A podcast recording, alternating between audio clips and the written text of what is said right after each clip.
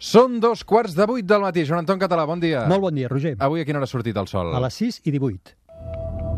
3, 2, 1, seganya!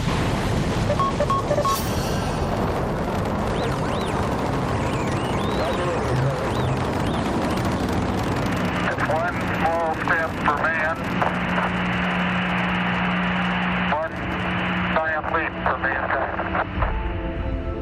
Joan Anton, com anem? Molt bé, Roger. Nosaltres una mica de ressaca després de l'espectacle del Liceu. Ahir la tarda també vam fer programa especial a l'Ajuntament de Barcelona. Bueno, va anar molt bé, Roger, felicitats. Moltes gràcies, eh, perquè tu també hi eres, aplaudim molt fort, eh, Joan Anton. Però avui ja eh, de tornada, i de tornada mirant cap al cel, com cada diumenge a l'hora que surt el sol, perquè realment ens apropem a Sant Joan, vol dir que els dies eh, fins ara han estat molt, molt llargs, però a partir de també la setmana que ve s'aniran escurçant, escurçant, escurçant sí, una mica molt més. lentament, molt lentament, però ja començaran. M'han dit que has passat la setmana a Itàlia. Sí, he anat a Virgo, que és el detector d'ones gravitacionals, que n'havíem parat en el programa alguna vegada, d'Europa. Hi ha tres eh, instal·lacions funcionant al món, dos americanes i una europea, que és a Pi- a Pisa, a Itàlia, Mhm. i vaig tenir la fortuna en uns companys d'anar-la a visitar. Espectacular. Sí, ho recomanes, eh? Espectacular. Està obert al públic també o no? Sí, a veure, hi ha visites eh, concertades, però s'han de concertar i has de tenir sort amb el guia. Nosaltres vam tenir molta sort perquè ja ho havíem demanat molt de temps i ens va tocar una noia que és astrofísica espanyola eh, i ens va fer una visita llarga, molt detallada, bueno, ens ho vam passar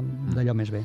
Amb el Joan Anton Català cada diumenge a l'hora que surt el sol parlem del cel, parlem d'astronomia i, a més a més, eh, ara que ve l'estiu t'hem de felicitar perquè eh, aquesta setmana has començat la temporada de sopars amb estrelles a l'Observatori Sí. Fabra. Això és interessantíssim, ja ho vaig fer fa 3 o 4 anys. Et va agradar? Em va encantar.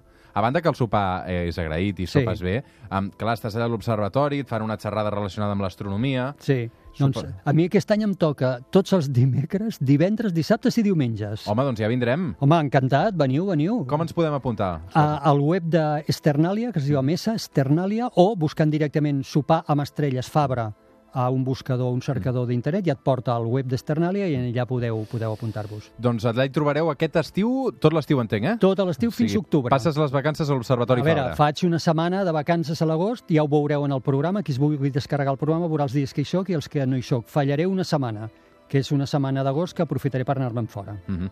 Doncs, Joan Anton, no ens ho perdrem, et vindrem a veure, però abans, cada diumenge fins que s'acabi aquesta temporada, i la que ve també, evidentment, Joan Anton Català, al Que suplement de. Catalunya Ràdio.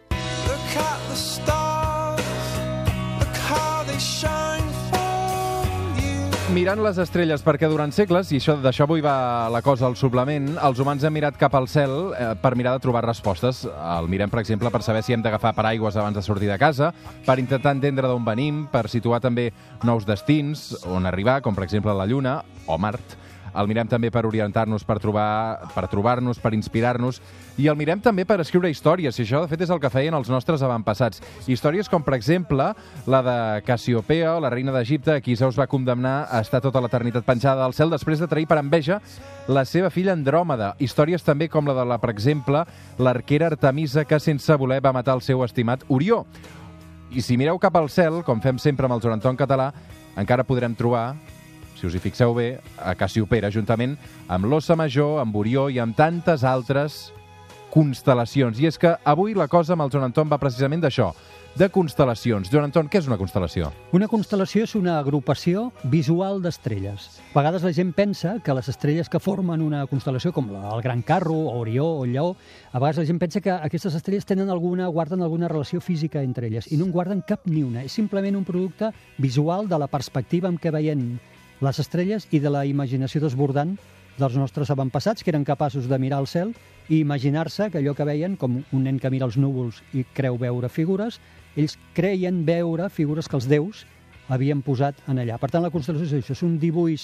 És un dibuix mental que ens hem creat els humans. Ah, no hi ha res físicament que les Res, uneixi. absolutament Simplement d'aquells res. dibuixos que veiem de les estrelles que alineades d'una manera doncs, podien agafar una forma Exacte. determinada, com hi ha tantes, de seguida les repassarem, Mhm. um, d'això se n'ha dit constel·lació. Correcte. Per tant, no és un fenomen Físic, físic. no, en absolut. És visual, és de perspectiva i d'imaginació, això dels nostres avantpassats. Clar, hi ha gent que diu, no, és que jo, mira, allà veig eh, una cadira, bueno, són imaginacions teves i has de posar voluntat. Sí, a vegades la gent, molt sovint, potser ho he comentat en el programa alguna vegada, em pregunten què s'havien fumat aquesta gent. Quan jo no el punter làser els ensenyo... Les Mm. Hi ha d'haver una voluntat, no? Hi ha d'haver una voluntat absoluta, però també en mi, eh? És dir, jo tampoc no les veig, no sou vosaltres, jo tampoc no les veig. Jo tampoc puc reconèixer, en algunes és molt fàcil, en altres jo no puc reconèixer les figures que ells sí reconeixien. Qui va batejar aquestes constel·lacions, aquestes estrelles alineades per primera vegada? Qui va ser que hi va posar nom? A la nostra cultura, a la cultura occidental, això ens ve dels pobles que van habitar la regió de Mesopotàmia fa més de 4.000 anys, els sumeris i altres pobles, que ells miraven al cel perquè per ells era l'oracle on els déus els deien què havien de fer, si havien de signar un tractat de pau, o havien d'iniciar una guerra, o havien de fer una boda real. Ells ho miraven tot en el cel i ells van començar a ordenar aquest cel nostre de l'hemisferi nord, a la cultura occidental, i posteriorment van ser els grecs, que van invair, com sabem, tot aquest territori, que van heretar tot aquest coneixement dels sumeris i altres pobles i els va, el van enriquir i van posar els noms moderns de les nostres constel·lacions. Per tant, Orió, el Lleó, el Taure, tots aquests noms que avui en dia utilitzem per les nostres constel·lacions, el seu origen és grec, eh? Mm. perquè ells havien heretat tot aquest coneixement previ dels mesopotamis. M'estàs dient, m'estàs dient que totes les constel·lacions que tenim avui dia eh, per, són les mateixes que ja van batejar tota aquesta gent? Eh, de l'hemisferi nord. Eh? A l'hemisferi sud és una altra història, perquè a l'hemisferi sud no tindríem eh, la influència aquesta dels grecs, eh? dels grecs antics que van posar el nom. I, per tant, van ser els exploradors europeus del segle XVII, XVIII, que van explorar l'hemisferi sud, que van posar els noms a les constel·lacions del sud i, per tant, són noms molt més avorridots que els de l'hemisferi nord. Per exemple, al sud hi ha constel·lacions com telescopi, mosca, vaixell, Són noms contemporanis. contemporanis i amb poca mitologia o res de mitologia, zero de mitologia al darrere d'ells. D'acord. Quantes constel·lacions hi ha en total? 88. 88, eh? 88. I la qüestió és perquè podríem estar discutint, dius, però a veure, a veure, si aquesta gent és un producte de la imaginació, per què 88 i no 87? O qui ha dit que són 88? I és que la Unió Astronòmica Internacional, que és el, el govern de l'òrgan de govern de l'astronomia mundial, les ha estandarditzat. És a dir, han dit, val, anem a utilitzar-les, ara veurem per què les utilitzem, anem a utilitzar-les, anem a heretar tot aquest coneixement eh, històric dels grecs, en el cas de l'hemisferi nord i del sud, de qui fos, i anem a estandarditzar, anem a dir quines són, quins noms tenen i quins llindars tenen. I això està estandarditzat. Són 88 i tenen llindars, qualsevol programa d'ordinador que tracti amb el cel te les dibuixa tal com són. Segurament la més famosa i l'única que jo he aconseguit veure i imaginar-me realment, perquè no m'hagi hagut d'explicar, és la de l'ossa major, que té forma de carro, no? Molt bé, molt bé, molt bé. Aquesta, fixa-t'hi que eh, en funció de la cultura, per exemple, els indis americans, eh, crec que allà hi veuen un, un, un os, eh? però hi ha altres cultures que veuen un- una cassola o un carro. Per tant, cada cultura, o els xinesos no recordo què han vist, cada cultura ha vist el que ha vist.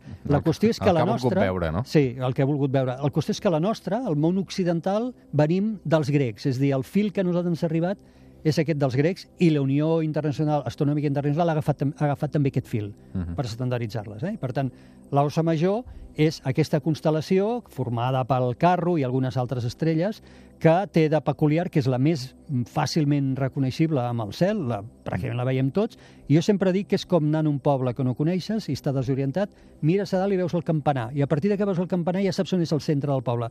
Doncs l'Ossa Major és el campanar del cel. Molt bé, fantàstica descripció. L'ossa major és el campanar del cel. Um, N'hi ha més.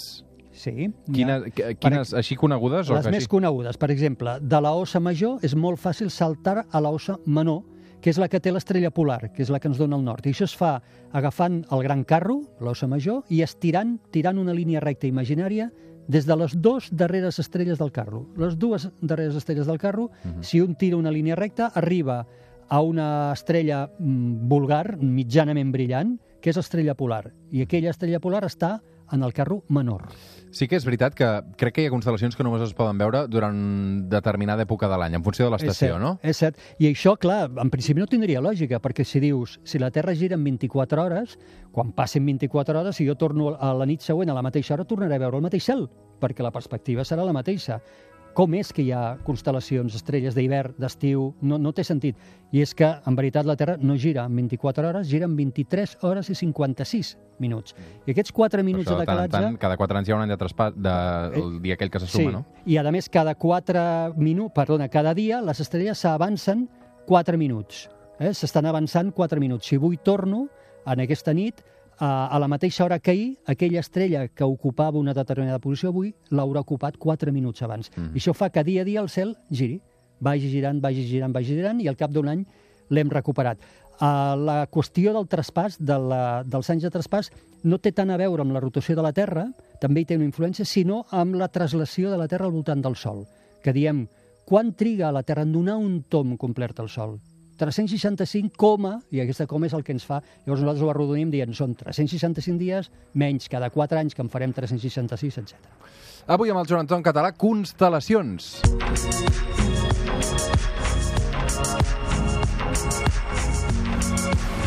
Joan Anton, la constel·lació més gran quina és? La constel·lació més gran és una que es diu Hidra Femella, uh, que és molt poc visible. De fet, has de saber, has de saber on és, l'has de de saber identificar per trobar-la. És de primavera, és una constel·lació de primavera i està sota del lleó. I és molt extensa. És, seria, de totes les constel·lacions que hi ha tant a hemisferi nord com a hemisferi sud, la més extensa. I la més petita? La més petita és la Creu del Sud. Ep. És, és aquesta que tenen a l'hemisferi sud, que els serveix per guiar-se. Nosaltres, per orientar-nos, tenim la sort de tenir l'estrella polar. Ells no tenen una estrella polar, llavors tenen una constel·lació, que és la Creu del Sud, que els indica la direcció per on cau al sud. Eh, Són estrelles molt brillants, però la constel·lació, en quant a superfície de cel que ocupa, és la més petita. Uh -huh. ah, ara que ve l'estiu, les que es veuran més quines seran? Mira, nosaltres a l'estiu tenim bàsicament tres constel·lacions que són molt, molt clares dalt del nostre cap. Un és el Cigne, que és una au que vola amb les ales desplegades, molt xules. Aquesta sí que sóc capaç d'ensenyar-li a la gent i, i fer que la gent vegi allà una, una au volant. La lira, l'instrument musical, la lira, i l'àliga, aquestes tres constel·lacions són constel·lacions molt típiques de l'estiu perquè cada una d'elles té l'estrella més brillant, l'estrella alfa de cada una d'elles, són les tres estrelles que més brillen dalt del nostre cap durant els mesos de juliol, agost, setembre. Es diuen, i fan un triangle que es diu el triangle de l'estiu. Eh? Són les tres estrelles més brillants del cigne, l'àliga i la lira. Uh -huh. Per tant, la més brillant eh, és aquesta, eh? No, no, no, no. Ah. Aquestes són les, les més brillants del cel de l'estiu, a dalt. Però Però, les la constel·lació més brillant no té Orió, per què ser. no. Orió. Orió. Eh, Creiem que... Bueno, creiem, perquè és, és simplement una, una convenció. Orió té estrelles, té la major quantitat d'estrelles eh, més brillants del cel. Ella és una constel·lació de l'hivern. Molt fàcilment, reconeix molt fàcilment perquè és un caçador gegant que té un cinturó, hi ha tres estrelletes que formen una línia perfecta recta, que és el seu cinturó, i una vegada t'han ensenyat on està Orió, i, i dius, ah, això és Orió, ja la veus sempre a l'hivern. Eh? Mm. Tot i això, no és la constel·lació que té l'estrella més brillant del cel. L'estrella més brillant del cel la té una altra constel·lació també de l'hivern, que es diu el K major, el gos major, i l'estrella es diu Sirius. Carai. I és, és el gos de caça d'Orió, del mm. caçador, que porta el seu gos al costat. Mm. Doncs aquesta.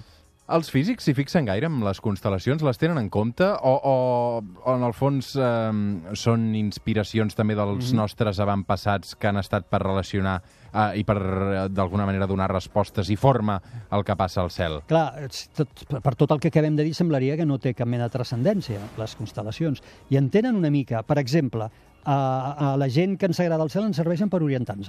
Tu dius, home, però si tu has de conèixer molt bé el cel, Joan Anton. Sí, però quan me'n vaig a un cel del Pirineu, d'aquestos foscos, o dels ports, foscos, foscos, que està ple, en el moment en què surts, estàs totalment desorientat. Tens tantes estrelles al cel que em voldries apagar unes quantes per poder-te orientar. I què busques? Referències. Busques l'ossa major, busques el lleó, busques la verge, i llavors, pumba, un cop les tens, ja estàs orientat. Això és una cosa, però els físics, els astrofísics, per què utilitzem? Perquè com que la Unió Internacional Astronòmica les ha estandarditzat, avui en dia ens va molt bé per indicar on estan els objectes. Per exemple, si explota una estrella, una supernova, o hi ha una galàxia que descobrim nova, direm, està a la constel·lació del Lleó.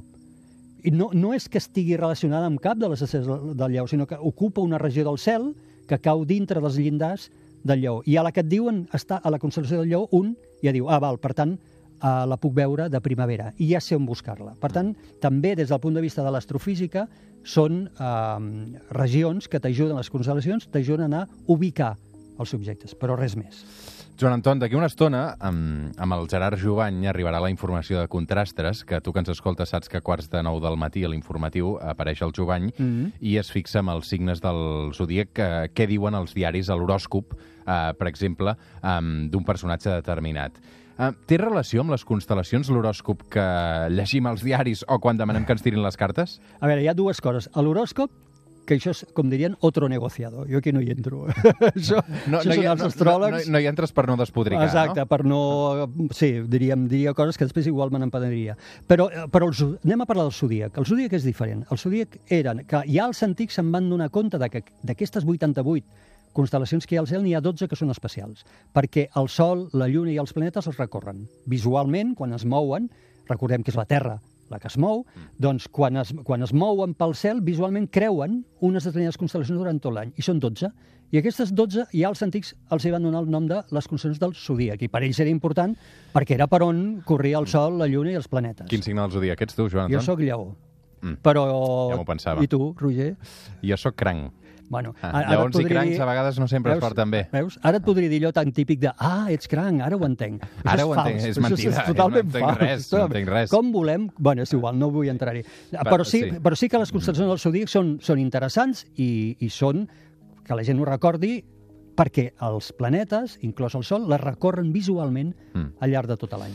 Avui amb el Joan Anton hem volgut parlar de constel·lacions. Cada setmana al Twitter del Joan Anton, estels i planetes, arroba estels i planetes, eh, i posa eh, principalment també el mapa del cel amb la posició dels principals astres i també les constel·lacions. Exacte. Per tant, si aquest espai d'avui us ha interessat, fixeu-vos també amb el que piula el Joan Anton a arroba estels i planetes. Què hi passarà aquesta setmana al cel, Joan Mira, Anton? la cosa més important que passarà és que aquest divendres, dia 21, ens centra a l'estiu astronòmic, a les Ah. 6 de la tarda. Doncs mira. I aquest és un moment important.